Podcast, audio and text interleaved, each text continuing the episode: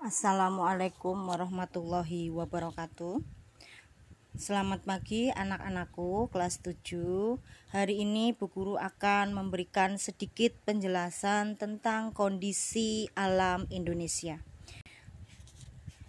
Alam Indonesia dikenal sangat indah dan kaya akan berbagai sumber dari mulai sumber daya alam dan sumber daya manusianya. Keindahan alam tersebut tidak setiap negara memilikinya. Jadi kita sebagai warga negara Indonesia patut bersyukur karena kita diberi alam sumber daya alam yang sangat melimpah. Keadaan alam Indonesia itu terbagi dalam dua bagian, yaitu keadaan fisik di mana keadaan fisik itu berkaitan dengan keadaan iklim dan keadaan bentuk permukaan bumi. Dan yang satunya adalah keadaan flora dan faunanya. Nah, keadaan fisik wilayah Indonesia itu adalah e, keadaan di mana e, bentuk lautnya, keanekaragaman muka buminya, letak geografisnya maupun letak astronomisnya yang berpengaruh terhadap keadaan alam maupun penduduknya. Kondisi geologis Indonesia. Letak geologis Indonesia itu merupakan letak berdasarkan susunan bebatuan yang ada di permukaan bumi Indonesia. Jadi seperti yang sudah kita ketahui bersama-sama, Indonesia itu merupakan negara dengan jumlah gunung api aktif terbanyak di dunia. Dan sebagian besarnya gunung-gunung api yang masih aktif itu berada di Pulau Jawa. Nah, hal tersebut merupakan salah satu penyebab utama kesuburan tanah di Indonesia ya. Jadi tanah Indonesia itu mengandung mengandung unsur hara yang tinggi akibat letusan gunung berapi. Letak geologis suatu negara juga bisa diartikan sebagai letak negara berdasarkan keadaan bebatuan yang ada di dalam perut bumi. Untuk itu, Indonesia eh, lapisan bebatuan yang ada di dalam e, perut bumi itu sangat berkaitan erat dengan sistem pegunungan Indonesia. Karena Indonesia itu terletak pada pusat pertemuan dua lempeng pegunungan muda, yaitu pegunungan Sirkem Mediterania dan pegunungan Sirkem Pasifik. Nah, wilayah Indonesia itu terbagi bagian barat dilalui oleh pegunungan Sirkem Mediterania, sedangkan wilayah Indonesia bagian tengah dilalui oleh pegunungan Sirkem Pasifik.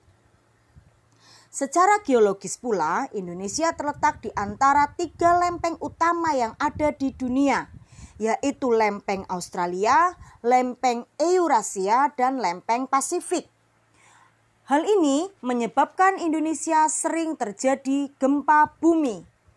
Jadi gempa bumi yang ada di Indonesia ya terjadi karena benturan atau tumbukan antar lempeng yang ada di eh, permukaan bumi Indonesia. Oleh karena itu, Indonesia ya terletak di antara tiga lempeng utama dunia, maka kemungkinan terjadi gempa bumi di Indonesia itu sangat besar. Menurut ilmu geologi, Indonesia yang terletak di antara dua dangkalan besar yaitu dangkalan Sunda dan dangkalan Sahul Ya, dangkalan-dangkalan itu sendiri merupakan wilayah laut yang menghubungkan wilayah daratan yang sangat besar, ya. Bisa negara, bisa kawasan ataupun benua. Dangkalan Sunda itu berada di eh, daerah barat Indonesia, ya. Sedangkan eh, yang berhubungan dengan eh, benua Asia, ya Nah, dangkalan ini mencakup wilayah semenanjung Malaysia, Sumatera, Jawa, Madura, Bali, dan pulau-pulau kecil di sekitarnya. Nah, sedangkan, dang, sedangkan dangkalan Sahul itu berada di Indonesia bagian timur yang berhubungan langsung dengan benua Australia. Nah, sekarang Bu Guru akan menerangkan tentang bentuk permukaan bumi. Bentuk permukaan bumi di satu daerah dengan daerah lainnya tidak sama ya. Ada wilayah pegunungan, perbukitan, ya, ada tanah yang kurang subur, iklimnya tidak nyaman. Ya, sebaliknya ada pula wilayah permukaan bumi yang topografinya landai, iklimnya nyaman, curah hujannya cukup dan tanahnya subur. Masyarakat Indonesia tinggal dalam lingkungan yang beragam Sebagian dari mereka tinggal di pegunungan dan sebagian lainnya tinggal di dataran rendah atau di wilayah perbukitan. Oke, eh, berikut gambaran mengenai keadaan muka bumi dan aktivitas penduduk Indonesia. Yang pertama dataran rendah, ya. Kita lihat dataran rendah itu merupakan dataran yang memiliki ketinggian hampir sama di Indonesia, daerah dataran rendah merupakan daerah yang penuh dengan kedinamisan dan kegiatan penduduk yang sangat beragam. Daerah dataran rendah cocok dijadikan wilayah pertanian, perkebunan, peternakan, kegiatan industri serta e, bisnis ya. Yang kedua adalah bukit dan perbukitan ya. Untuk merup, e, bukit itu merupakan bagian dari permukaan bumi yang lebih tinggi jika dibandingkan dengan daerah di sekelilingnya. Dengan ketinggian yang kurang dari 600 meter dari permukaan laut, bukit tidak tampak curam seperti gunung. Jadi tidak sama antara bukit dan perbukitan. Perbukitan itu adalah kumpulan dari sejumlah bukit-bukit pada suatu wilayah tertentu. Aktivitas e, penduduk di perbukitan itu e, biasanya e, merupakan kelompok-kelompok kecil yang memanfaatkan lahan datar dan luas yang terbatas untuk menanam berbagai macam sayuran. Selanjutnya adalah dataran tinggi. Dataran tinggi itu suatu daerah berbentuk datar di permukaan bumi yang mempunyai ketinggian lebih dari 500 meter di atas permukaan laut. Dataran tinggi biasanya memiliki suhu udara yang cukup yang sejuk dengan tanah yang subur sehingga cocok digunakan untuk pengembangan daerah pertanian. Dataran tinggi juga sering kita sebut sebagai platau ya.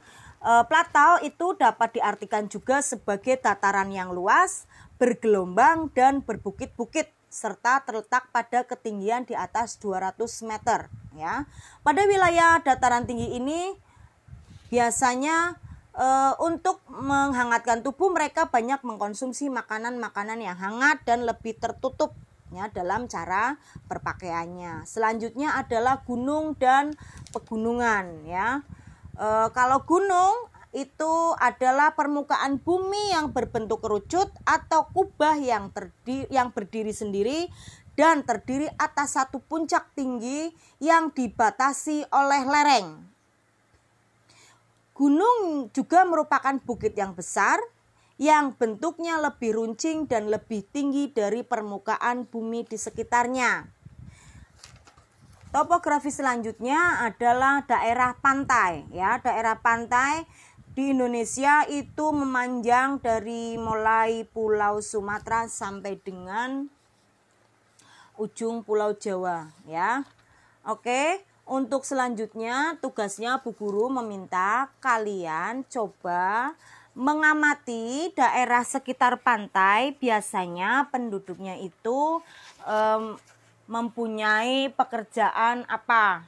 Pegunungan eh, penduduk di pegunungan pegunungan di eh, penduduk di sekitar dataran rendah. Silahkan kamu tulis masing-masing lima macam pekerjaan di dataran rendah dataran tinggi pegunungan dan di daerah pantai Selamat pagi, wassalamualaikum warahmatullahi wabarakatuh. Tetap jaga kesehatan, tetap di dalam rumah, gunakan masker selalu. Eh, salam sehat dari Bu Guru.